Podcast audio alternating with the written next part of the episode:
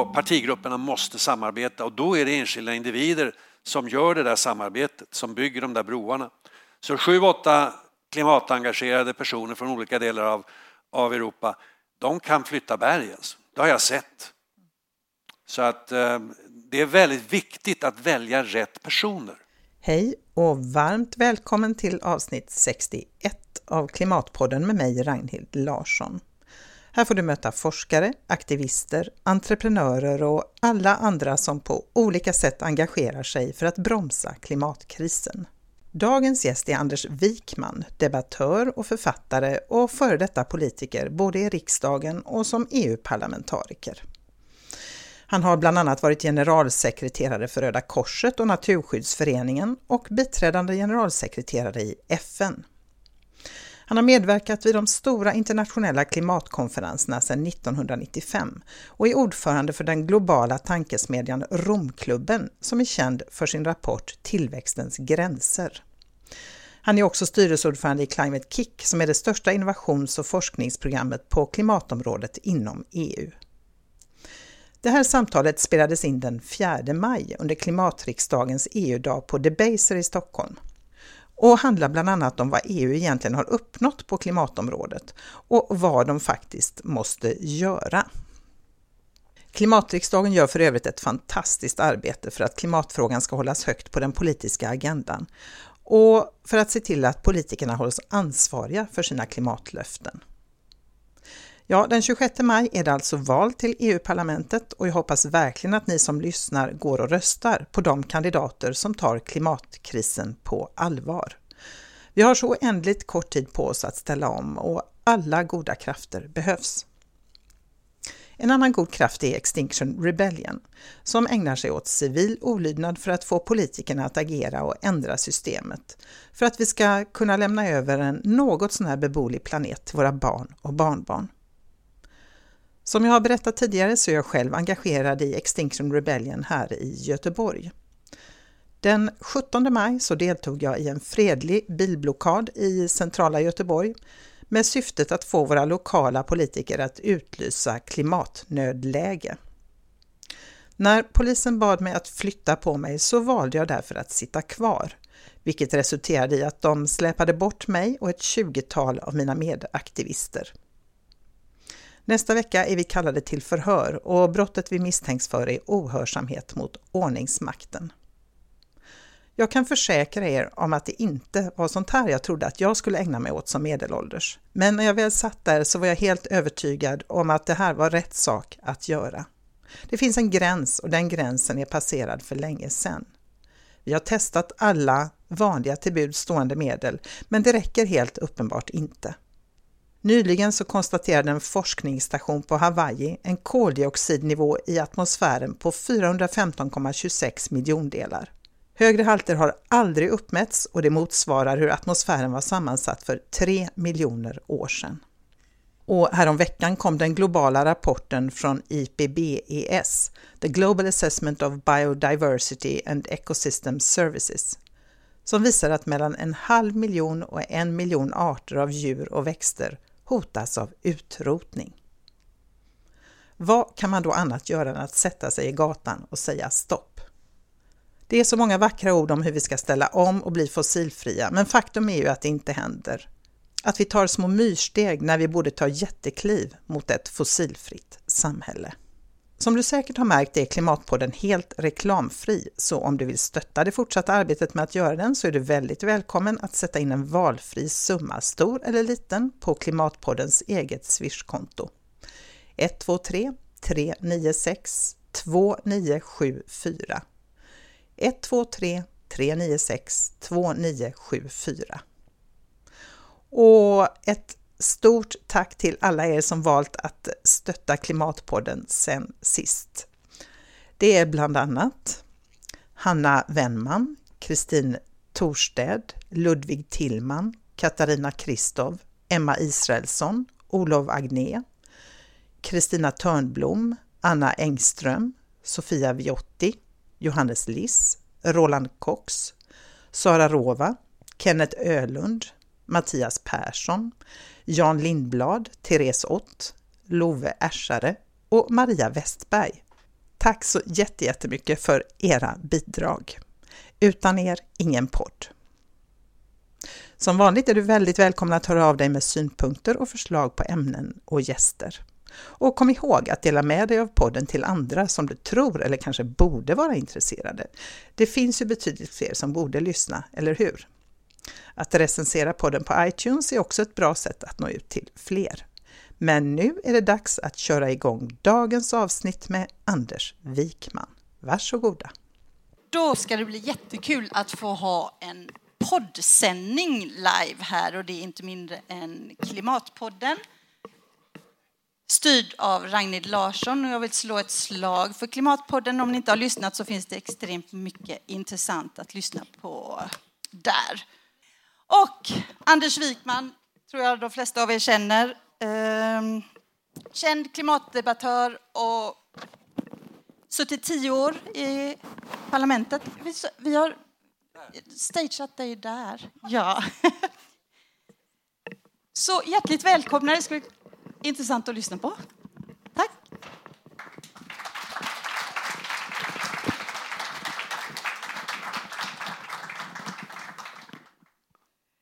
jättekul att vara här. Tackar så mycket Klimatriksdagen för denna möjlighet. Eh, ni gör ett fantastiskt arbete tycker jag. Eh, så det är väldigt, väldigt trevligt att få vara här och välkommen till alla er i publiken och välkommen till Klimatpodden Anders Wikman. Tack så mycket. Jag vill börja med att fråga dig, hur blev du engagerad i klimatfrågan från första början? Jag jobbade tio år i Röda Korset mellan 79 och 88. Och en del av den perioden eh, präglades ju väldigt starkt av torka i delar av Afrika. Och eh, redan då eh, var det ganska många experter och forskare som kopplade ihop det med den ökade halten av växthusgaser. Ehm, så att vi hade nog våra aningar. Jag skrev en bok tillsammans med en eh, engelsman som heter Lloyd Timberlake där vi eh, pekade på att väldigt många naturkatastrofer har ett direkt samband med människans handlingar. Den hette faktiskt eh, Natural Disasters Acts of God or Acts of Man och vi slog fast att väldigt mycket hade med människan och människans handlingar att göra. Och en av, en av dem var ju då den här genereringen av växthusgaser. Så att det var väl första gången som jag riktigt på allvar eh, fick det här nära in på mig. Sen råkade jag vara i Washington 1988, eller om det var 89, jag kommer inte ihåg exakt, samma vecka som Jim Hansen för första gången uppträdde inför kongressen. Och där förklarade för dem att eh, klimatförändringen var ett mycket allvarligt hot. Och bara några veckor efter det så tog Bert Bolin, som ju då var vetenskaplig rådgivare till Ingvar Carlsson som var statsminister, han tog initiativet till att börja förbereda IPCC. Så att det var ju väldigt mycket som hände där i slutet på 80-talet. Och ehm, ja, det, det, det, var väl där det började. Mm. Och jag menar, det har gått ganska lång tid. Hur känner du idag då? Det har ju inte hänt jättemycket. Nej, vi har inte börjat ställa om. Nej. Så kan man nog uttrycka det. Um, och, och, ehm, det är på sätt och vis en, eh, ett misslyckande. Jag vet inte hur många artiklar och föredrag jag har varit med om uh, kring den här frågan. Även om jag tror klimatet, klimatförändringen är ju ett symptom på en ekonomisk modell som inte funkar. Vi har ju samma ekonomiska tänk som när vi var ett par miljarder människor på jorden. Och då kunde man ju kosta på sig ganska mycket. Naturen upplevdes som oändligt stor och vi behövde nästan inte fundera över atmosfären. Men eh, nu när vi är snart 8 miljarder människor och vi har haft en sån enorm tillväxt i energi och materialomsättning så borde ju även ekonomerna inse att vi måste göra om modellen. Ehm, men vi är inte där tyvärr. Nej. Ehm, och det är fortfarande så att eh, lönsamhet på kort sikt dominerar i ekonomin. Och jag, jag hade anledning häromdagen att fundera på det därför att det var en eh, stor artikel i Forbes, som är en amerikansk tidskrift, där de hade varit på en stor konferens för olje och gasindustrin. Och där hade Shell gått upp och sagt att vi kommer nu att diversifiera. Vi kommer inte bara att investera i ny olja och gas utan vi kommer också ge oss in på elmarknaden för vi ser ju att den kommer att öka i betydelse. Och då fick de väldigt mycket spe av många av de andra oljebolagens företrädare. Och det intressanta är att argumentet inte var att vi som är bra på olja och gas, vi är nog inte så bra på el, det får andra sköta. Utan argumentet i första hand, det var lönsamheten i olja och gasindustrin är så mycket högre än lönsamheten för elbolagen. Så det finns ingen anledning för oss att äventyra våra aktieägares avkastning. Och det finns ingen anledning att äventyra våra egna löner med något så dumt som att gå in och börja jobba med el. Och, och där tycker jag man sätter frågan på sin spets. Va? Att det är kortsiktig lönsamhet som är det som dominerar. Även om man nog ser att någon gång i framtiden kommer det att se annorlunda ut. Men vi ska, vi ska ta ut så mycket vi kan. Och det, så kan vi inte fortsätta. Nej. Men de här människorna lever ju också på den här planeten. Ja. Och då undrar man, har de inte fattat? Helt uppenbart inte. Inte, Eller nej. också, jag, menar, jag skrev en bok med Johan Röckström, Den stora förnekelse. Jag tror det är en stor förnekelse. Mm, En förträngningsmekanism. Och jag menar, vi människor, vi är ju ganska komplicerade.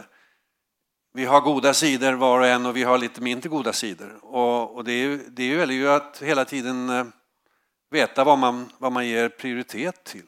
Mm. Så att, eh, nej, jag, jag, är- jag, är ganska, jag, är ganska, jag är ganska dyster över, över att, att, att det inte har hänt mer. Nu är det möjligen så att vi har passerat en, vad jag skulle kalla, kalla social tipping point. Det här sista halvåret har ju väldigt mycket hänt. Och det är ju dels Greta Thunberg och alla de här unga människorna som plötsligt har börjat bli aktiva, vilket de inte var tidigare. Och det är ju det är ett stort plus. Vi har Extinction Rebellion som inte minst i Storbritannien då har satt en enorm press och gjort frågan tydlig. Eh, Vi talar ju om tipping points i, i klimatsystemet. Eh, minskat albedo när isar och glaciärer smälter. Det börjar läcka metan från eh, tundran som töar och sådär. Men minst lika viktigt är att fundera över sociala tipping points. Så det är möjligt att vi har nått en sån och då kan det ju gå väldigt snabbt. Så det är bara att fortsätta att jobba. Men om du frågar mig hur jag känner mig så jag känner mig lite dyster. Ja, det är ju lätt att göra det. Vi är ju här för att prata om EU och EU-valet och hur viktiga alla våra röster faktiskt är. Det är ju någon, någon form av ödesval känns det ju nästan som.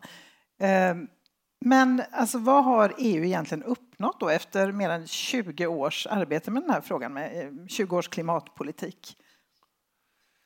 Ja, det är klart, å ena sidan har de uppnått en del. De tog ledningen i slutet på 90-talet. Ehm, hade inte EU stått fast vid klimatkonventionen, Kyotoprotokollet, när George W Bush gick ur, 2001 var det väl, och då spelade för övrigt Kjell Larsson som var svensk miljöminister en väldigt, väldigt betydelsefull roll. Han åkte faktiskt runt i världen och, och, och, och talade för EUs räkning om den här frågan och såg till att, att, att inte allting bara eh, ramlade ihop som ett korthus. Så att, så att EU har haft, har haft en beslutsamhet, det tycker jag. Och det beslut som vi tog i parlamentet 2008 som brukar gå under benämningen 20-20-20, det vill säga att vi skulle till 2020 plocka bort 20 procent av växthusgaserna. Vi skulle öka andelen förnybar energi i energimixen från då ungefär 6 procent till 20 procent och vi skulle öka energieffektiviseringen med 20 procent. Det var på den tiden ambitiöst.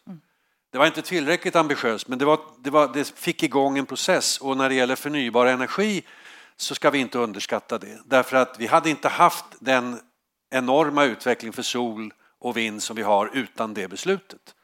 Därför det kommer inte till på marknadens egna villkor. För det var mycket, mycket dyrare från början och kunde inte konkurrera med konventionell energi och olja och kol och gas.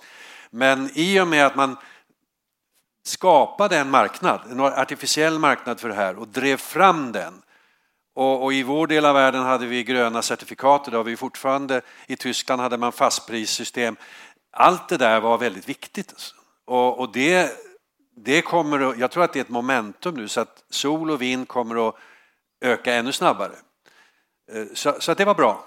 Men, ehm, men sen har vi ju haft eh, svårt att skärpa kraven. Och ehm, eh, det håller ju på att spricka upp inom EU i och med att centraleuropeiska länder har en delvis helt annan inställning.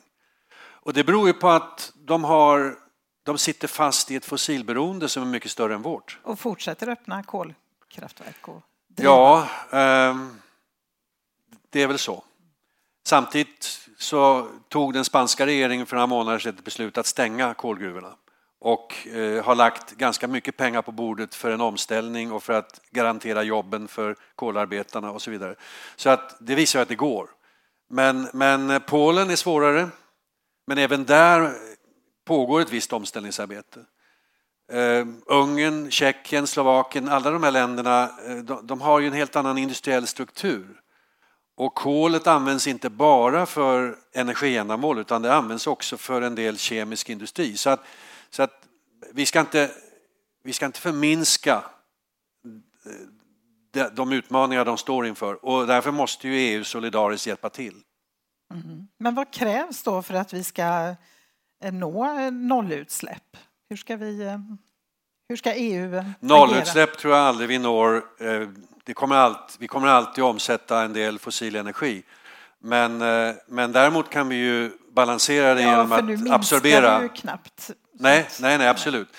Nej, men alltså jag tror man ska vara ärlig. Det, det, finns vissa utsläpp i jordbruket som är väldigt svåra att bli av med, men då kan man ju istället binda kol i marken. Man kan plantera mera skog, man kan göra mycket för att, för att kompensera det. Ja, alltså problemet är ju att, att hela systemet är så enormt fossilbaserat. Vi talar ju mest om energisystemet, men jag skulle vilja säga att materialanvändningen är en, en lika viktig frågeställning. Stål, cement, aluminium, plast, det är ungefär 20 procent av de globala koldioxidutsläppen. Lägg till textil som i ökande utsträckning är polyester gjord av olja och gas, då får du ytterligare 6-7 procent. Och sen har vi hela elektronikbranschen som ju också indirekt skapar väldigt mycket utsläpp. Så att, så att materialanvändningen är en jättefråga. Och sen talade ni ju i det här pappret också om jordbruk. Eh, varje gång man sätter en plog i marken så frigör man kol. Det håller nu på att utvecklas helt nya sätt att, att bruka jorden. Uh, low till eller no till, alltså man, man plöjer inte, man gör en skåra i marken och, och, och, och petar ner seden där, utsädet där. Ehm, det kallas för regenerative eller conservation agriculture. Lustigt nog är det amerikanerna som ligger längst fram. Och det visar på väldigt goda resultat. Därför att man, eh, det är inte bara att inte plöja utan det är också att alltid ha eh, marken täckt med en fånggröda. Det är också att rotera växtföljd och så vidare. Men den typen av brukningsmetod leder till att man bygger upp kol i marken. På sikt kommer man också ha fler och fler perenna grödor som alltså har väldigt mycket större rotsystem och då kommer man att öka den här kolinbindningen. Och det tror jag man kan göra i ett antal decennier. Eh, så småningom blir jorden mättad. Och det skulle kunna bidra väldigt mycket. Så, att, så att det, det, är så många olika aspekter på det här. Mm. Men alltså, hur ser du på då, kan vi fortsätta med samma system som ändå har skapat de här problemen? Många menar att det krävs en total eh, Alltså vi behöver ett nytt system, något som ersätter det kapitalistiska systemet med BNP som ni pratade om här tidigare som ett tillväxtmått. Som jag tycker, alltså det har man ju pratat om när jag läste internationella relationer för ja. en evighet sedan så pratade man om hur dåligt det här BNP-måttet var till exempel. Men det har inte hänt något, vi har inte, vi har inte något vi, som vi har hade, det. Jag har ju varit med i Romklubben i många år, vi hade en konferens 1995 faktiskt i Bryssel i Europaparlamentet på temat Take Nature into account. Ta med naturen i ja, beräkningarna eller i kalkylerna. Sen hade vi en process där jag också var med under ledning av Världsbanken, OECD och EU-kommissionen på temat Beyond GDP. Vi hade en stor konferens i Europaparlamentet november 2007. Vi hade fem kommissionärer med Barroso i spetsen, han var då EU-kommissionens president, och alla sa vi ska nu gå in för nya indikatorer. BNP-begreppet ska inte tillmätas samma betydelse. För det är ju ett rent kvantitativt begrepp. Det säger ju ingenting om kvalitet. Ja, idag är det 12 år senare det har inte hänt så mycket. Ehm, och jag tror det grundproblemet är att våra nationalekonomer fortfarande utbildas och, och, tycks vara blinda för den här delen. Inte alla nationalekonomer, men väldigt många. Vi skulle behöva få in nationalekonomerna och hjälpa till och, bygga en modell som tar hänsyn till hur naturen fungerar. Och det är då alla de här olika områdena, inte minst jordbruket. Eh, det industriella jordbruket håller på att gå i väggen eh, men, men vi måste då få hjälp att snickra ett, ett system som ger incitament till bönderna att göra på ett annat sätt. Och det är inte så enkelt. Mm. Det är lätt att kritisera det nuvarande men inte så enkelt att bygga nya ramar. Och jag tror ju inte heller att kapitalismen ska bytas mot någon slags planekonomi. Eh, det, det tror jag inte är lösningen utan, utan jag tror att ägande i någon form, entreprenörskap, innovationer, alltihopa det där är viktigt. Men, men det måste sättas inom väldigt strikta ramar och den här kortsiktiga lönsamheten som inte tar hänsyn till framtiden, den, vi måste bryta det. Mm. Eh, men det är inte lätt. Alltså för, för, att politikerna avreglerade finansmarknaden på 80 och 90-talet och, och, nu har de väldigt svårt att, att reglera tillbaks den. Mm. Därför finansmarknaden är helt herrelös skulle jag vilja säga. Den styrs av väldigt lite regler och Trump gick till val på att reglera finansmarknaden. När han väl blev president så gjorde han motsatsen. Så att det är ännu svårare nu än vad det var under Obama. För då fanns det i alla fall en vilja i USA att, att, att börja skapa lite tuffare regler. Så att, ja, jag, nu, nu radar jag upp alla svårigheter här, men, men jag tror man ska, vara, man ska vara medveten om dem och ödmjuk inför dem. Det innebär att det går inte att byta över en natt. Va? Därför att om vi bara skulle göra någonting i Sverige när det gäller bankerna och finanssystemet som ingen annan gör, det skulle, ha, det skulle inte ha stor effekt. Det skulle snarare ha en negativ effekt för oss. Utan vi måste ju försöka jobba i första hand inom EU. EU är tillräckligt stort för att förändra det här, absolut. Så EU spelar en viktig roll? Ja, ja, absolut. Och EU håller nu på att ta fram en så kallad finance, finance sector taxonomy taxonomi, det är någon slags, ja det är väl regelverk kan vi säga, där man ska försöka definiera vad är gröna investeringar. Så att man ska ge vägledning till alla de som investerar och det är då pensionsfonder, pensionsfonder, försäkringsbolag och andra. Och då, man har kommit en bit på väg att definiera vad är en grön investering? Vad är liksom en vettig typ av verksamhet industriellt? Vad, vad funkar med natur och klimat? Vad man inte har kommit överens om och som jag tror är lika viktigt, det är att definiera också vad som absolut inte är bra, det vill säga en brun investering. Där har motståndet då från naturligtvis olja, gas och andra varit enormt starkt. Va? Att inte peka ut dem som, som bovar i sammanhanget. Men det går långsamt, men det går framåt. Ja, det kan man ju säga att det går lite långsamt och det är väldigt bråttom nu. Jag menar, vi har, vi har inte så många år på oss att vända utvecklingen enligt Nej. de senaste forskningsrapporterna här.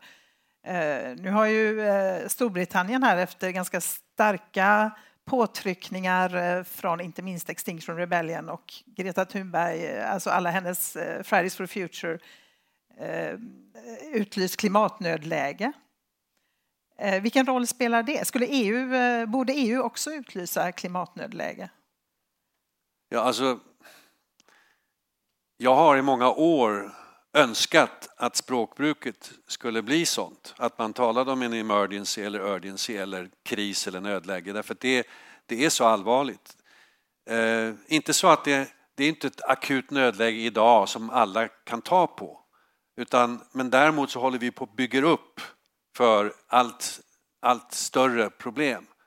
Och ska vi kunna undvika att bygga upp för det så måste vi starta i tid, annars är det för sent. Så, att, så det är ett nödläge, men det är ett annat typ av nödläge än att, att det brinner just nu. Mm. Ja, det brinner ju, ja, det brinner, det brinner ju också ibland. Och tidigare men, i år. Än... Men alltså, jag tror att man, man ska ha klart för sig att ja. om man talar om nödläge så måste man förklara vad man menar med det. Va? Därför att människor i gemen kanske inte uppfattar det som nödläge. Men, men det är bra att sätta den typen av etikett på problemet. Därför då, då, då är det väldigt svårt för politiken att säga att nej, vi skjuter lite grann på de där åtgärderna för vi har annat nu. Utan, utan man måste alltså man måste ta det här på allvar och genomföra kraftfulla åtgärder. Så jag tycker det var fantastiskt att det här beslutet kom. Och jag, jag, hade inte trott brittiska parlamentet om någonting, för de har ju, de har inte, de har inte kommit överens om någonting de sista månaderna. Framförallt inte om Brexit. Nej. Men, har ni tänkt på det? De har röstat om sju, åtta sådana här tänkbara vägar framåt och ingen får majoritet. Nej, det... så, att, så att plötsligt så enar de sig om det här. Jag tyckte det var det är värt en applåd. möjligen var det, som, möjligen var det liksom en förlösning. Att herregud, nu kan vi åtminstone komma överens om någonting. Eh, sen tror jag att eh, i, i Storbritannien, och det var det som var lite grann modellen för när vi gjorde klimatstrategin i miljömålsberedningen där jag var ordförande. De har något som heter Climate Change Committee som är ett oberoende organ som är en slags second opinion. Um, en, ett oberoende råd till regeringen som, som analyserar vad regeringen gör och säger ni gör inte tillräckligt, här är vad vi tycker ni ska göra. Och, och det, det är det klimatpolitiska rådet i Sverige nu ska göra. Och den här Climate Change Committee den leds av en gammal Tory-miljöminister, Lord Devon. John Gummer hette han när han inte var lord. Eh, jag känner honom sedan 90-talet och han är otroligt engagerad i den här frågan och han har integritet. Och de har lämnat rapport på rapport på rapport som visar A. hur allvarligt det är läget, B. att man måste göra mycket mer. Och jag tror att det faktum att de kom med en av sina rapporter häromdagen och dessutom hade vi då demonstrationerna, Extinction Rebellion, vi hade Greta Thunberg i parlamentet. Det blev på något sätt nästan som en perfekt storm och, och så fick vi det här beslutet. Mm. Och jag tror att när då Labourledaren Corbyn väcker det här så var det ju väldigt svårt för Tories att inte säga ja. Att få en splittring i den frågan inför öppen ridå hade inte varit bra. Så, att, så att, eh, ja, det var mycket som bidrog. Tror du att det kommer att leda till nu att fler länder följer efter? Ja, jag, jag är förvånad att inte något av de svenska partierna redan har väckt en motion, men, men eh, det, det har bara gått några dagar. Så att jag, jag, jag tycker det vore fullständigt självklart för svenska riksdagen att, att följa efter. Mm. Och liksom ytterligare då bygga plattformen av samarbete starkare. Eh, sen finns det då väldigt starka krafter bland Europaparlamentarikerna att införa en motsvarande lagstiftning på EU-nivå som vi har, att sätta en koldioxidbudget som ni har tagit upp här väldigt bra och eh, i, i det sammanhanget bör man naturligtvis också i, i EU tala om emergency. Men då, man, man ska vara klar då över att möjligen är det så att vissa länder i Centraleuropa inte kommer att följa med. Va? Så att det, det, kan ta tid, men jag tror att man, man, ska spela bollen. Så det finns starka krafter som är emot? ja, alltså, ja, det finns det.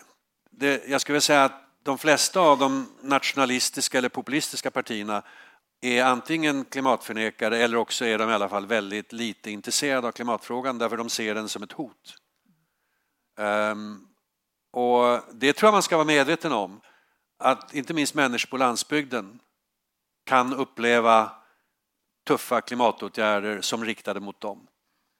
De har ingen kollektivtrafik, eh, höjda bensin och dieselskatter slår hårdare mot dem. Där borde vi faktiskt med hjälp av IT-teknik, datateknik kunna laborera med helt andra eh, former av beskattning. Man skulle kunna tänka sig att om man på landsbygden har kört mer än ett visst antal hundra mil så, så, så får man skattenedsättning eller något sånt. Det går ju ganska enkelt att, att fixa. Så att, ja, men jag tror man ska vara klar över att det finns en spänning mellan stad och land. Mm. Det gör det. Och det visade ju protesterna i Paris, gula Precis. västarna. Det var mycket komplicerat, men en av frågorna var ju att man hade höjt förslag om bensin och dieselskatter. Och jag tror att eftersom det kom samtidigt som Macron hade genomfört en lindring av förmögenhetsbeskattningen så upplevdes det som ett slag mot dem som har lite pengar. Medan de med mycket pengar, de klarar sig alltid. De klarar sig alltid. Och det är ju ett av problemen att vi har så stor skillnad i utsläpp per capita. Um, Piketty tog fram en liten bok inför klimatkonferensen. Berätta vem Piketty är. För folk Piketty är en fransk ekonom som är mest känd för att han skrev en stor bok, väldigt tjock bok, som hette The, The, The Capital, tror jag, Kapitalet. Eh, det finns en engelsk översättning på 70 sidor som jag har läst som är väldigt bra. Den, den, den, den talar egentligen om att, att ojämlikheten ökar och att den, den är liksom en logisk följd av den typ av kapitalism som har utvecklats. Därför att kapital ackumulerar och har man pengar och är något sånär klok när man investerar så, så växer pengarna. Har man inga pengar, ja då kan ingenting växa och därför ökar klyftorna. Så det var, det var en väldigt viktig bok som kom 2014 eller något sånt där. Sen kom de med en liten bok, han och en kollega, eh, precis i samband med klimatkonferensen i Paris där de hade tittat på utsläpp per capita, inte mellan olika länder utan mellan olika inkomstgrupper. Och där hade de pekat ut den procent amerikaner som tjänar mest, tre miljoner människor. Och där hade de kommit fram till att de hade en utsläpp på 318 ton koldioxidekvivalenter per capita per år. 318 ton. Oj. Och vad ligger en normalsvensks på? Det ungefär... om, vi, om vi räknar in allt, det vill säga konsumtion, utlandsresor och sjöfart och så vidare, då ligger vi väl någonstans mellan 10 och 11 ton mm. idag. Om vi bara tittar på fysiska utsläpp ligger vi mellan 5 och 6 ton. Det är klart man ska titta på konsumtionen, eh, eh, men, men statistiken till FN är upplagd på det andra. Eh, men det är klart att det är en otrolig skillnad på 318 och 11. Och problemet är ju att man kommer inte åt det där bara genom skatter. Därför att om de nu har sina privata jets och stora båtar och fem, sex hem på olika ställen på jorden. Det spelar inte dem någon roll om flygresan kostar 50 eller 70 eller 80 000 kronor. Eh, därför de har så mycket pengar. Så, så att frågan är hur, hur man ska hantera den här enorma ojämlikheten eller gapet. Jag har inget, jag har inget bra svar. Eh, vi laborerade med individuella utsläppsrätter för ett antal år sedan. Att varje människa skulle få en viss kvot och sen fick man köpa till då. Och det var ju ett sätt att, att hantera det, men återigen, om man har mycket pengar så spelar det liksom ingen roll. Va? Så att eh, den här frågan är, den, den har vi inte, vi har inte trängt tillräckligt djupt i den tycker jag. Jag har faktiskt en, en, en akademisk uppsats i min dator som jag plockade ner i morse som handlar om det. Ehm, jag har inte läst så mycket om det faktiskt. Piketty var, Pikettys lilla bok var ett sätt att fokusera på det. Men då är vi tillbaka till det här att alltså även hur, oavsett hur mycket pengar jag har så kommer jag ju och mina barn och barnbarn att drabbas av de här klimatförändringarna. Ja, ja, ja. Och, och då, då har man ju uppenbart inte fattat allvaret i situationen. Nej, men jag tror det är väldigt många människor och kanske inte minst bland den typen av människor som lever i en värld med mycket teknik, mycket spännande innovationer och så vidare.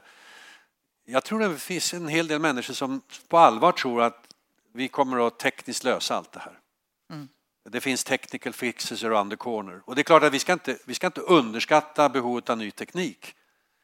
Uh, Inge Björk refererade till eh, stålindustrin som idag använder masugnar och kol och koks i processen och det genererar väldiga koldioxidutsläpp. Nu, nu tror de ju att de med hjälp av vätgas ska göra samma sak i framtiden och då, då försvinner i princip eh, klimatutsläppen. Och det vore ju en fantastisk sak. Så det är ett, ett exempel på en, en, innovation, en teknikutveckling som är väldigt viktig. Och, och vi skulle behöva motsvarande på cement därför att det, det byggs ju enormt mycket ny infrastruktur i tredje världen idag, alltså i utvecklingsländerna. Eh, jag sitter i ett FN-organ som heter International Resource Panel. Vi har gjort en beräkning. Vi tror att det kommer att byggas ungefär lika mycket infrastruktur i världen i städer som vi har byggt hittills i världen fram till 2050. Och om det sker med stål, cement, aluminium, plast som, som vi vet, ja. då, då, då spricker ju alla de här koldioxidbudgetarna. Så vi måste ha innovationer. En, en viss del av det här kan man ju lösa genom att bygga i trä till exempel, men inte allt. Så att ehm, där, där är en, det är en stor utmaning. Cirkulär ekonomi är ett annat sätt att hantera det på. Mm. Så att vi använder materialen om och om och om igen. Det gör vi inte idag. Nej. Så det finns massor att göra. Men att tro att tekniken ska lösa allt, det tror jag är väldigt, väldigt det är överoptimistiskt. Och hur väcker man då eh, alla de här som inte har fattat? Hur kommer de, för jag menar, har man väl eh, vad ska jag säga, drabbats av insikten om vad som håller på att hända så går det liksom inte att backa. Nej. Eh, vad krävs, tror du? Ja, det, En av mina vänner, Per Espen Stocknes i Norge, han är psykolog. Eh, han har för övrigt skrivit en väldigt intressant rapport tillsammans med Rockström och Jörgen Randers för ett halvår sedan som, som försöker gifta ihop SDG-frågorna, SDGF är... ja, uh, hållbarhetsmålen med planetära gränsproblematiken och som visar i princip att det är bara genom en ordentlig omställning av det ekonomiska systemet som vi kan klara det. Men han säger ju att han tror ju inte på allt för mycket alarmism utan han tror på att vi måste tala med varann och visa på möjligheter. För alarmismen, den, eh, och när man bara säger att det går åt helvete, då, då riskerar man att folk passiviseras. Gå till baren och beställer en rigg till. Ja, just det. Eller, eller helt enkelt eh, säga ja, men det är ju ändå, det är ändå, ändå kört. mm. Så, att, så att det, jag tror det är väldigt svårt att både beskriva problemen på ett ärligt sätt och samtidigt peka på möjligheterna. Det, det är väl det som är... Ja, för risken är ju också, ger man folk vad ska jag säga, falska förhoppningar så är det ju också en risk att man tänker att ja, det löser sig. Då resonerar man som de ja. andra människorna du pratar om som tänker att teknikerna löser detta eller civilingenjörerna eller det ordnar sig. Eller politikerna tar hand om frågan. Ja, alltså sen, sen men det är ju till, till väsentlig del kulturfrågor. Och kulturfrågor, man kan ju ändra kultur. Det har vi ju sett. Jag, jag kan bara jämföra med hur vi lever idag jämfört med hur jag levde i min barndom. Det är ju, det är ju två skilda världar. Jag kan bara se hur man ser på mat och matsvinn. Det var ju otänkbart i mitt föräldrahem att slänga mat. Det, det fanns inte på kartan. Man gjorde alltid någonting av resterna. Mina barnbarn är inte lika övertygade om det kan jag säga. Nej, så är det ju. Ja. Så att, eh, och, och, och det, här, det här digitala och det här att man ska få man ska få eh, instant gratification, man ska kunna uppnå saker omedelbart, man mm. behöver inte vänta. Allt det där, det är ju det är viktiga kulturfrågor. Och, och, och de ändrar man inte över en natt. Alltså. Men, men jag är fullständigt övertygad om att, att det går. Mm. Och, och, därför är den här ungdomsrevolten nu då, eller Greta och hennes vänner, den är ju, den är ju väldigt hoppfull. Alltså. Mm. Uh, men jag skulle önska att de tog, skruvade skruven ett varv till och också ställde vissa väldigt konkreta krav. Inte bara sa att ni måste ta det här på allvar utan sa nu vill vi att ni ska göra följande. Och så tar man fram några av de mest omedelbara sakerna som måste ske. Och en är ju då att, att man faktiskt inte tillåter, och det skulle ju då kunna gå region efter region, det kommer inte gå snabbt, men det, det kan börja i vissa regioner, att man inte tillåter att man öppnar nya kolgruvor, att man inte tillåter att man börjar prospektera efter ny olja och gas. Redan de prospekteringar som har gjorts räcker ju mer än väl för att torpedera klimatet. En annan grej som måste ske, det är att vi måste ju tre till fyrdubbla investeringarna i förnybar energi, inte minst i u-länderna. Jag satt på Sidas styrelsemöte igår, vi hade en genomgång av vad Sida gör när det gäller Power to Africa. Och de satsade 800 miljoner kronor på det förra året, så det var ett väldigt lyft. Men de skulle behöva satsa många gånger mer. Va? Och inte bara Sida, utan det är ju det är väldigt mycket privata pengar. Det är ju hushållen som investerar. Och hur man får till det där, det är en, det är en stor utmaning. Alltså. Mm. Uh, så det finns ett antal sådana väldigt konkreta krav, cirkulär ekonomi är ett annat som jag önskar då att Greta och hennes gäng hamrar dag efter dag efter dag. Men är det deras ansvar? Är inte det eh, vårt ansvar, vi som är vuxna och EU-politikerna? Ja, men så... ta, ta, ta det här som hände på Wall Street 2008-2009 och eh, Occupy Wall Street. Det var ju en väldigt stark rörelse och man trodde att det skulle leda till förändring, men det gjorde inte det. Det rann ut i sanden och jag tror det rann ut i sanden delvis därför att man var inte tillräckligt pregnanta med vad man ville skulle hända. Så jag tror vi måste vara väldigt tydliga. Det är först när man, när man liksom drömmer om det som, som det händer. Mm. Och vi behöver visioner, tänker jag, men där kommer ju återigen politikerna in. Det känns ju ja. inte som att vi har sådär väldigt visionära politiker idag som målar upp den här bilden av hur det här hållbara, omställda samhället ska se ut. Nej, jag tycker vi har någon slags partipolitikens kris, det tycker jag nog. Den är mest tydlig i Storbritannien och i USA. Och i USA är ju beroendet av pengar ett enormt problem. Det är ju så stora pengar. Och politikerna ägnar ju mest, sin mesta tid åt att raise funds, alltså ragga pengar. Men även i vårt, vårt land så, så känns det ju ibland som om visionerna är, är, borta. Det är mer en fråga om vem ska managera Sverige? Vem ska, vem ska, mm. vem ska sköta Sverige? Um, och, och, den här valrörelsen nu är ju då ett, ett, ett, en möjlighet att, att släppa loss visionerna. Och jag tycker det finns ett antal enskilda individer bland kandidaterna som, eh, som, som är tydliga och som jag, som jag känner förtroende för. Och jag har ju suttit i Europaparlamentet, jag vet man kan som individ göra mycket, mycket mer än man, man kan i ett nationellt parlament.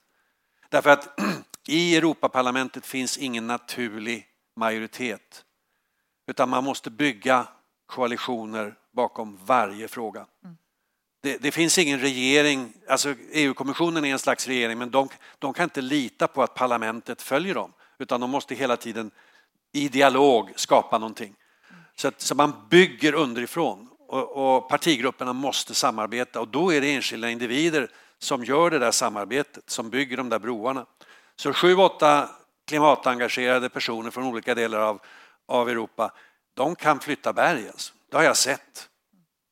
Så att eh, det är väldigt viktigt att välja rätt personer. Och jag ska inte gå in och recensera det nu. Eh, men, du kommer inte att ge några tips då nej, om vem? Men, och jag tycker det här är ju ett fantastiskt bra dokument. Alltså. Jag har bara, jag bara ögnat det, men det är ett jättebra dokument. Ja. Och det är väldigt tydligt och väldigt... Och det är klart att det är väldigt ambitiöst. Att EU skulle vara netto noll 2035, det är väldigt ambitiöst. Men, men, men, men egentligen för att, för att den fattiga världen ska, ska få någon form av utrymme så, så är, det, är det ungefär det som måste ske. Jag håller med om det. Um, så jag tycker det, det, det, här är ett bra papper. Det är bara att följa det så ordnar vi det. Ja, det, jag, jag tror inte allt står här. jag, jag tror att ni ska tala lite mer om kolbindning när det gäller jordbruket. Och där håller just nu på att man håller just nu på att komma överens om nästa stödpaket inom jordbrukssektorn. Det kallas för CAPen, Common Agriculture Policy. Och det är döviktigt att bönderna får en morot att börja bygga kol i marken. Får de inte det, då har vi missat fem år. Mm. Så det är väldigt viktigt. Så det handlar väldigt mycket om politisk styrning? Ja, det gör det. Absolut, jättemycket. Mm. Och där hoppas jag nu att LRF ska stiga fram och, och, och, och driva det. Och jag hoppas att Jenny Nilsson heter hon som är ny ansvarig för jordbrukspolitiken. Ska, jag, jag, vet inte, jag har inte träffat henne, jag, jag, vet inte vad hon kan. Det finns ju en tendens ibland i regeringarna eh, nu för tiden att man tillsätter ministrar som inte har någon sakkunskap och då kan det bli problem. Mm. Men jag hoppas att, att vi kan lära henne det. Mm. Det finns många som vill Jo, men det är jätteviktigt ja. att det behövs, det behövs en tre, fyra medlemsländer som driver frågan. Då, då kan det bli tryck. Va? Kommer ett enskilt medlemsland, då räcker inte det. Men just det här med kolbindning i jordbruket, fransmännen är väldigt mycket på det. Och jag råkar känna den ledande franska forskaren på det här området, Jean-François Susanna, och han sa till mig så sent som för några veckor sedan, tyvärr är vi ganska ensamma i rådet, alltså där regeringarna möts, om den här frågan. Där skulle ju då svenska regeringen kunna göra någonting. Mm. Tror du att vi kommer att få se någon Greta Thunberg-effekt i EU-valet? Jag vet inte, har hon kommenterat EU-valet? Nej, men jag menar hon, hon, hon, alltså hon har väl samma budskap vart hon än är, tänker ja, ja. jag. Att det, är Nej, men det, kän, de... det känns faktiskt som om klimatfrågan är en större fråga i den svenska diskussionen inför e- EU-valet än vad den är i många andra länder. Det tycker jag. Så att, jag menar, i Storbritannien kanske den blir det nu då, efter det här uttalandet. Annars är det väl Brexit som helt dominerar. I, ehm, i Frankrike föreställer jag mig att det är väldigt mycket en kamp emot då Le Pen eh, från de andra partiernas sida. Eh, så att, så att det ser lite olika ut i olika länder, men, men det vore ju jättebra om, ehm, om Greta hade, hade en effekt på det här, absolut. Mm. Lyfte frågan. Mm. Och då, då blir det ju ganska tydligt när politikerna kandidaterna intervjuas vem som kan och vem som inte kan. Och vem som vill och vem som inte vill. Jo, verkligen. Hur blir EU-valet ett klimatval då? Vad krävs mer? Förutom Greta Thunberg då, hon kan ju inte fixa allt. Nej, men jag tror inte det ska bli bara ett klimatval. Därför att det är som är andra frågor där EU måste eh, skärpa sig. Eh, hela migrationsproblematiken är ju olöst tycker jag. Och, och en smärre skandal, inte smärre, det är en skandal, hur vi hanterar människor vid, vid gränserna. Och hur lite solidaritet vi har inom EU. Jag har inte varit i Grekland på några år, så jag har inte varit ute på de grekiska öarna, men jag har vänner som har varit där. Och, och det är ju tiotusentals människor som sitter fast i läger sedan flera år tillbaka. Och så är det ju även i delar av Italien. Så att, så att eh, geografin har gjort att, att flyktingströmmarna kommer först till vissa länder. Eh, och det är klart att vi i solidaritet måste hjälpas åt. Mm. Och vi har ju bara sett början av migrationsvågen, tror jag. Men det hänger ju ihop med klimatfrågan. Ja, det gör det. Absolut. Men jag menar, det ska inte bli ett enfrågeval. Det, måste bli det måste handla om annat också. Jo, det är klart. Å andra sidan, löser vi inte klimatproblematiken så spelar inte det andra så stor roll. Nej, det kommer en rapport på måndag av IBPES som alltså är motsvarigheten till IPCC men för biologisk mångfald och ekosystem. Och det är en, jag har läst den rapporten, jag har läst utkastet och den är, den är ingen rolig läsning. För den visar att, att trycket på ekosystemen och naturen, biologisk mångfald, är väldigt, väldigt stort och har ökat enormt. Och vi fick en förvarning för en månad sedan när det var en stor rapport som kom som visade att insektspopulationerna i stora delar av världen minskar. Och det är inte bara bipopulationer utan andra insekter också. Eh, och det är bara ett exempel på att, att den här livsväven, eh, och det är ju då en fråga om också näringskedjan som håller på att, att luckras upp. Och vad det får för konsekvenser, det kan vi bara ana. Så att det är inte bara klimat utan det är liksom det är människa natur. Mm. Och vi sitter ju på en piedestal och tror att vi ska kunna utnyttja naturen för våra syften. Men inte ens om vi är så cyniska så gör vi på rätt sätt. Hur menar du då? Nej, alltså, vi håller ju på att erodera det livsuppehållande systemet. Vare sig vi talar om ett stabilt klimat eller om ekosystem som levererar allt ifrån mat till vatten till ekosystemtjänster av olika slag. Eh, och det är ju väldigt, kort, det är väldigt korkat och kortsiktigt. Otroligt korkat. Ja. Om, om, vi nu, om vi nu ska använda systemet till vår förmån, då måste vi vara mer långsiktiga. Jag tycker att vi ska gå ett steg till och säga att vi är en del av det här. Vi sitter inte på en piedestal. Och vi måste lära oss att respektera andra arter. Jag har en, jag har en bild i min dator som jag har fått från, jag tror det är från WWF, som mäter vikten, kroppsvikten på ryggradsdjur på land. Och då är det människan, det är våra husdjur och det är de vilda djuren. Och kan ni gissa hur stor del av den samlade kroppsvikten som är de vilda djuren? 3 procent. Hade vi gjort den där studien för 100 år sedan så hade nog de vilda djuren varit 30-35, något sånt där. Men det visar ju, tycker jag, väldigt övertygande hur vi har marginaliserat andra arter. Jag brukar följa en, en, en, en amerikansk ekolog, E.O. Wilson. Har ni inte läst några av hans böcker så gå och köp dem.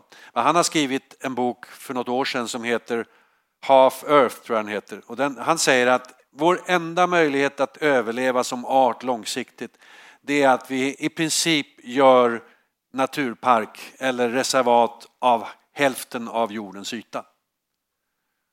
Ni säger 20 procent här. Det är en bra bit på vägen. Eh, ja, jag vet inte om det är möjligt att komma dit, men alltså, det är ett memento. Va? För han är en av de absolut skickligaste människorna på att förstå biologisk mångfald och arternas beroende av varandra. Eh, och det, det är liksom... Eh, så, så, det är inte bara klimat. Nej, nej. Men, men, men det ytterst har att göra med ekonomin. Va? Mm. Och, och jag skulle ju önska att här satt en ledande nationalekonom som sa jag håller med. Låt oss nu gå in i ett rum och försöka skapa det här ramverket. Men jag har inte sett det tyvärr. Nej. Och jag vet att Johan Rockström när han hade lanserat de planetära gränserna han tog som en av sina uppgifter att försöka locka in ledande ekonomer i den här diskussionen. Och han har haft flera workshops men de har inte kommit särskilt långt fram. Vad beror det på då? Att de är inte är intresserade eller? Alltså, eh, jag är själv utbildad ekonom. Vi har våra matematiska modeller och de är linjära och de ser ganska fina ut på pappret. Va? Det är bara det att de passar inte för en icke-linjär natur. Eh, de passar för att hantera relationen mellan produktion och konsumtion. Men på något sätt är naturen en konstant där ute och, det funkar inte. Det ställdes ju på sin spets när Northouse fick Nobelpriset i ekonomi, eller ekonomipriset, det är inte Nobelpris. Eh, och jag skrev flera artiklar då och bråkade om det där. Alltså han, han säger ju på fullt allvar, han har ju försökt att gifta ihop klimatet med sin, de ekonomiska modellerna. Och, och det ska han då ha en eloge för. Men modellen är ju så pass bristfällig att den visar att det är för dyrt att göra någonting åt klimatet förrän det blir 3,5 graders uppvärmning. Och då menar jag, då har man, då har man inte löst frågan, va? utan då har man bara skjutit den framför sig. Och därför tyckte jag att det var skandalöst att han fick det där priset. Eh, men det, det, bara, det var bara ett symptom på hur, hur den gruppen akademiker i gemen ser på det. Men hur stor roll spelar ekonomerna? Då? Vad sa du? Ja, nu, nu ger du ju ekonomerna en väldigt betydelsefull roll. Hur stor roll spelar de? De, spelar en, de, de bestämmer det mesta. Det är finansdepartementen som bestämmer det mesta i regeringarna. Och de räknar ungefär så här. Så att um, det, här är, det, här är, det här är utmaningen nummer ett. Att, att eh, steg för steg utveckla en ekonomisk modell som fångar upp det här på ett bättre sätt. Um, och det är möjligt att krisen måste bli ännu tydligare innan, innan, innan vi får till det. Men, men eh, det tycker jag, om, om, jag var, om jag var ung idag och skulle lägga upp en karriär på något sätt, då skulle jag studera ekonomi. För det har jag också märkt, jag är inte doktorand i ekonomi. Och det gör att de lyssnar inte på mig. Är man inte disputerad, då håller man sig helst borta. Då har man inget att komma med. Då har man inget att komma med. Så att eh, det här, ja, det här är ett problem. Men är det ett problem då att de personerna som skulle kunna göra det, det är inte de som väljer att läsa den här typen av utbildning eller att börja forska inom ekonomi? Alltså som är det har gjorts, i klimatfrågan? Det har gjorts en del analyser när man tittar på olika akademikergrupper och då har man kommit fram till att de som studerar ekonomi är som regel mer kortsiktiga i sitt tänk och lite mer giriga. Vi, jag tror att vi ska vara ärliga, de flesta, är, de flesta av oss är lite giriga då och då. Va? Men man, men man kan inte vara det jämt. Och man kan inte ha det som yrke. Men, men så att jag tror att rekryteringen till, till olika typer av, av yrken är väldigt viktig. Rekrytering till finanssektorn är också intressant att titta på. Och till politiken? Ja, politiken. När jag satt i Europaparlamentet, 762 ledamöter, då var det sju personer som hade en naturvetenskaplig utbildning i botten. Och då förstår ni själva att när ett utskott då bjuder in en klimatforskare för att diskutera klimatet, då blir det väldigt spännande så länge klimatforskaren är där. Men när klimatforskaren har gått, då är det inte så lätt för de här människorna att fortsätta att diskutera på djupet, därför de flesta har inte utbildningen till det. Va? Så att jag, jag brukar säga när jag talar med unga forskare, ni borde sätta av tio år av ert liv i politiken. Därför att vi behöver er kompetens i riksdagarna. Det, och det, är faktiskt, det, det, det, det står jag för. Va? för. Det är alldeles för mycket det saknas för mycket den här naturvetenskapen. Och ta allt som har med AI och, och digitalisering och machine learning och allt det, det kräver ju också väldigt mycket naturvetenskap. Det är matematik. Jag lovar er, om ni går in i riksdagen idag och frågar människor där, ledamöter där om vad de, vad de kan och vad de förstår om AI-utvecklingen som ju håller på att vända upp all, ner på allting.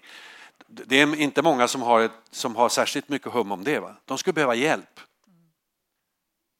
Så att jag tror vi har en, en faktiskt en, en konfliktyta mellan vanlig kunskap och den här typen av kunskap. Och hur mycket kan de då om politikerna om klimatfrågan? Du säger de kan ingenting om AI och sådär. Hur, om du skulle generalisera grovt? Ja, det finns ju, det, det finns... Säg, jag menar Europaparlamentet, jag, jag, jag kommer ihåg vi hade ett nätverk på en 30-35 personer av de 760 som var väldigt kunniga. Så det är väl en 5-10 procent. Och jag tror det är likadant i svenska riksdagen. Så jag är inte naturvetenskapligt utbildad. Men jag har läst kopiöst mycket, så jag, jag, kan ganska mycket om det. Men det är klart att jag kan inte diskutera grundläggande fysik med John Schellenhuber som är nobelpristagarklass. Det kan jag inte göra. Men jag tror jag kan tillräckligt för att förstå frågan. Mm. Och det är ju det som man måste, jag menar, antingen har man naturvetenskaplig bakgrund eller också får man, får man läsa på komvux eller lägga till det. Va? Ja, eller räcker det inte, tänker jag, att lyssna på den samlade ja, vetenskapen? Ja, För det känns ju inte riktigt som att man kanske gör det idag fullt ut. Då hade ja, men, vi inte jo, varit där alltså, vi är. Jo, men nu ska vi inte, vi ska inte måla fan allt för mycket på väggen. Svenska riksdagen har ju faktiskt ändå ställt sig bakom klimatlagen. Mm. Sju partier har ställt sig bakom detta och ganska ambitiösa mål. Vi behöver skärpa dem. Men när vi, när vi tog det så upplevdes det som ambitiöst. Absolut, ja. men samtidigt kan man ju öppna en flygplats i Sälen. Ja, och, ja, ja. och hur är det på EU-nivå då? Ja, alltså jag, jag, jag är en ganska stor vän av Europaparlamentet. Jag, jag, jag tycker att där finns väldigt mycket bra människor. Och det, det, det, drar till sig ganska mycket spetskunskap. Så att, så att, eh, men återigen, det finns inte så många med naturvetenskaplig bakgrund det, och det, det är ett problem. Mm. Hur påverkas EUs klimatpolitik av den svenska klimatpolitiken skulle du säga? Jag tror att eh, vår klimatlagstiftning som är snarlik eh, Storbritanniens har haft en effekt på diskussionerna både i kommissionen och i rådet och i parlamentet. Absolut. Och det här är bara exempel på att, att enskilda länder som går före kan driva på. Så det, det tycker jag, ja. Mm. Finland tog en nationell strategi för cirkulär ekonomi för tre år sedan. Den har definitivt påverkat kommissionen. Inte påverkat Sverige tillräckligt mycket hittills, men, Nej, jag, men, men, men eh, jag hoppas det kommer. Hållet. För nu i det här januariavtalet, som man kan säga mycket om, men där finns ett tiotal punkter som har relevans för den cirkulära ekonomin och det är jättebra. Berätta om januariavtalet för de som inte ja, det är det här, de här 73 punkterna som Socialdemokraterna, Miljöpartiet, Liberalerna och Centern kom ja. överens om. Och där, där, det, det, finns ganska mycket cirkulär ekonomi i det och det tycker jag är jättebra. För vi har, vi har stått och stampat och trott att det räcker med att vi höjer eh, återvinningsgraden. Vi samlar in mera avfall. Det är inte lösningen. Lösningen är, ligger uppströms, det vill säga påverka designen av produkterna så att det vi samlar in lätt går att återvinna och återanvända. Och så är det inte idag. Så därför måste vi ställa krav på de produkter som sätts på marknaden. Att de ska i normalfallet vara enkla att återvinna komponenter och materialdelar när de har använts första gången. Jag har jobbat i återvinningsindustrin så jag, jag vet hur det ser ut. Det finns alltså väldigt dåliga andrahandsmarknaden för återvunnet material. Det är billigare att använda förnybart material, jungfruligt material och då är det fel. Vi måste vända på det. Mm. Återigen handlar det om politisk styrning. Ja, ja absolut. Mm. Det kostar för lite att, att öppna gruvor. Till sist undrar jag, hur, eh, hur viktig är min röst då i EU-valet? Varför är det viktigt att jag går och röstar? Det är ju lätt, alltså ibland hör man i debatten så här, vad vi gör här, vad jag gör spelar inte så stor roll och vad vi i Sverige gör, vi är så få så det spelar ingen roll. Alltså det är vad man gör men det, i Kina det, som spelar roll. Då, då, har man ju liksom gett upp om demokratin. Mm. Demokratin är ju ingen lösning på allting och, och även demokrati kan ju fatta dumma beslut, absolut. Men det finns ju inget annat system. Och om jag inte röstar då, då låter jag ju någon annan avgöra vad, hur det ska bli. Så att eh, jag hoppas att vi får upp valdeltagande på 55, 60, 65 procent. Det har ju legat nere och, kring 40, 45. Det är, ju, det är ju väldigt illa. Så vi måste ju engagera människor i det här. Men ett problem är att när man jobbar i Bryssel det är svårt att få hem information till Sverige. Därför att det är så få journalister där. Och det är så litet intresse i den svenska mediadebatten kring EU-frågor. Kommer aldrig glömma, jag, Göteborgs-Posten hade en väldigt duktig eh, redaktör i Bryssel. Och någon gång 2007-2008 så stängde de den redaktionen och så träffade jag Peter Hjörne som var chefredaktör på den tiden på en middag några månader efter så sa jag hur fasen kunde ni stänga eh, den där redaktionen? Och då sa han ja vi hade budgetproblem och vi behövde lägga mer på kultur och nöjen och det, det var så enkelt. Då. Det går inte så bra för GP för tiden kan man säga. Nej, nej, nej. Men, men alltså det är svårt att få hem information från, från Bryssel, så är det. Kan klimatfrågan vända detta tror du? Göra att eh, fler faktiskt blir engagerade och inser att det är ja, jag, att rösta? jag tror att fler människor också förstår att det vi gör själva, det är viktigt men det måste göras i ett större kontext. Så att, nej men EU har en jätteviktig roll i, i klimatfrågan och, och, och, det, och det står och väger om, om de ska ta ledarskapet eller inte. Så låt oss se till att vi skickar människor dit nu efter valet som, som verkligen trycker på. En bra uppmaning. Viktig uppmaning. Tack så jättemycket. Ni kommer att få chansen att ställa lite frågor men eh, du kan ju få en applåd redan nu. Tack för att vi fick prata med dig.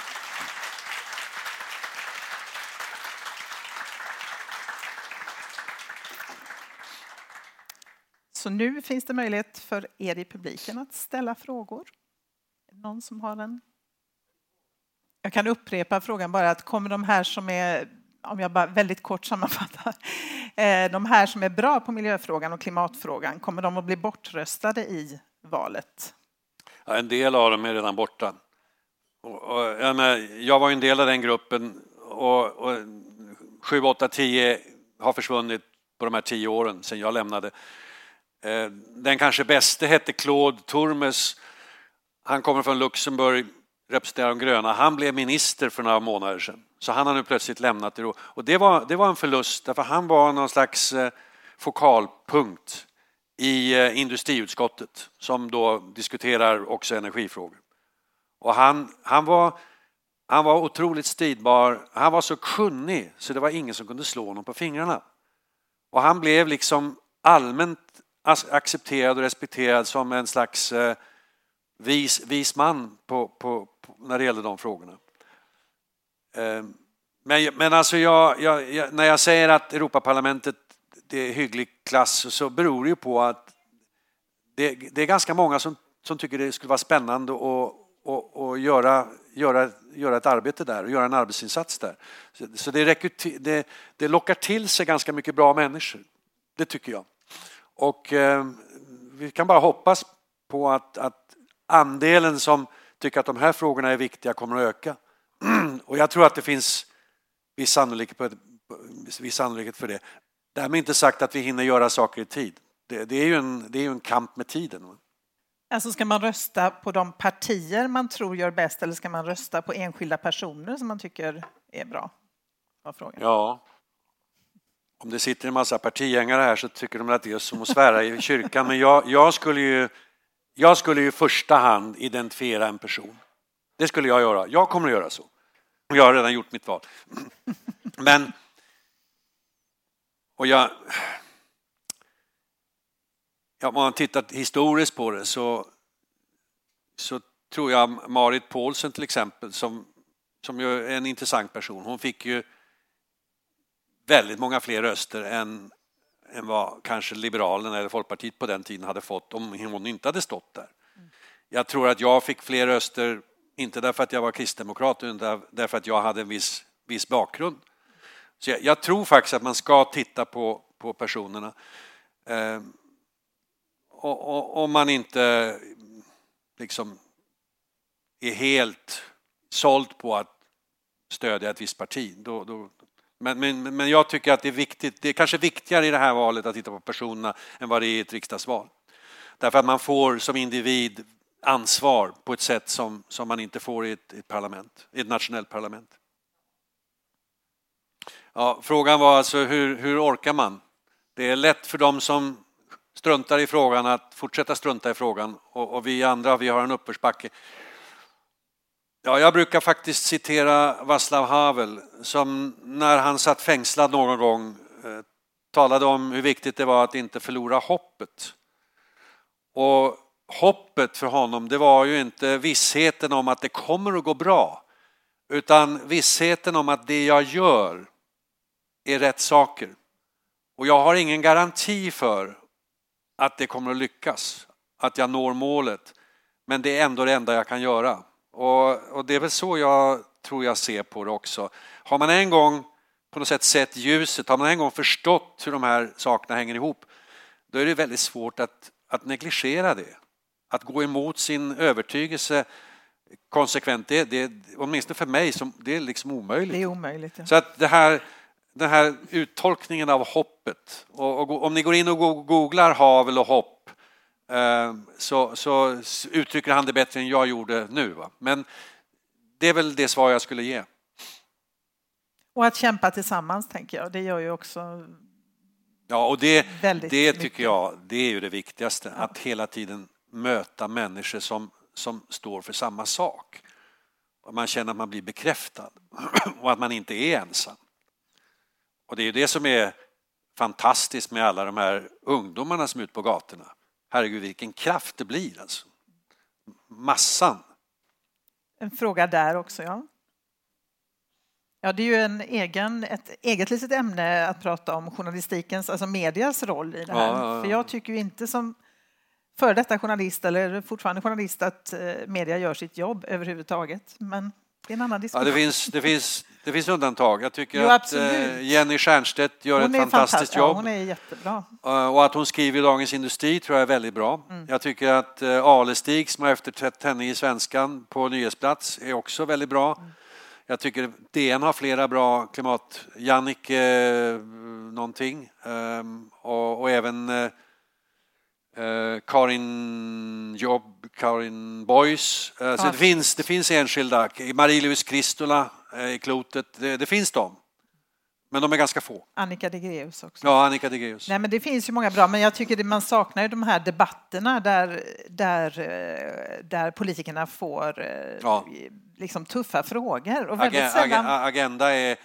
Det, man, man, gråter när man, när man inser hur lite de kan på djupet. Men inte ens kunna ställa de vanliga journalistiska följdfrågorna Nej.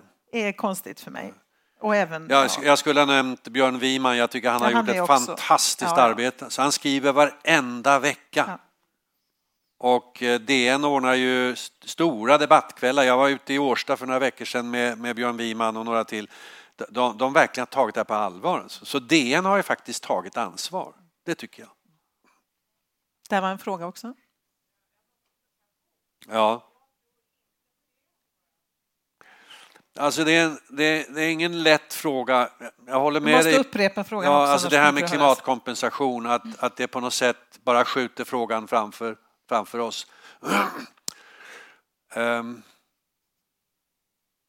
alltså jag, jag, har, jag har sett ungefär så här, att när man börjar klimatkompensera så visar man i alla fall tydligt att man har förstått att här är ett problem. Och klimatkompenserar man på ett klokt sätt. Jag tänkte ju säga det finns ju olika sätt ja, att klimatkompensera. Om man till exempel ser till att man, att man planterar skog på ett bra sätt och att den skogen står kvar där under lång tid, ja då har man ju ändå gjort någonting som är, som är hyggligt bra. Eh, nästa steg är naturligtvis att, att sluta göra det som innebar att man måste klimatkompensera. Men, men jag, jag har ju ett dilemma. Jag, jag, är ordförande i något som heter Climate Kick som är ett stort innovationsprogram på EU-nivå. Och kontoret är i Amsterdam och vi har medlemmar över hela Europa. Jag, jag, kan inte åka tåg varje gång, det finns inte en chans, så jag måste flyga. Och då har vi då valt inom Climate Kick att klimatkompensera. Det gör vi. Och vi gör det så bra vi kan. Eh, och jag, jag, jag tror att vi, vi måste liksom vara beredda på att fortsätta göra vissa saker som inte, som inte är bra om vi, om vi samtidigt förändrar systemet i rätt riktning. Vi kan inte bara sitta och sätta oss ner på något sätt och vara passiva utan vi måste ju, vi måste ju fortsätta att funka i det system vi har. Men göra det på ett, på ett klokt sätt. Vi eh, får nog ta och sluta nu tror jag. Så att nu är klockan kvart i helt enkelt. Tack så jättemycket för att ni kom i publiken och för era spännande frågor. Och tack till dig Anders Wikman.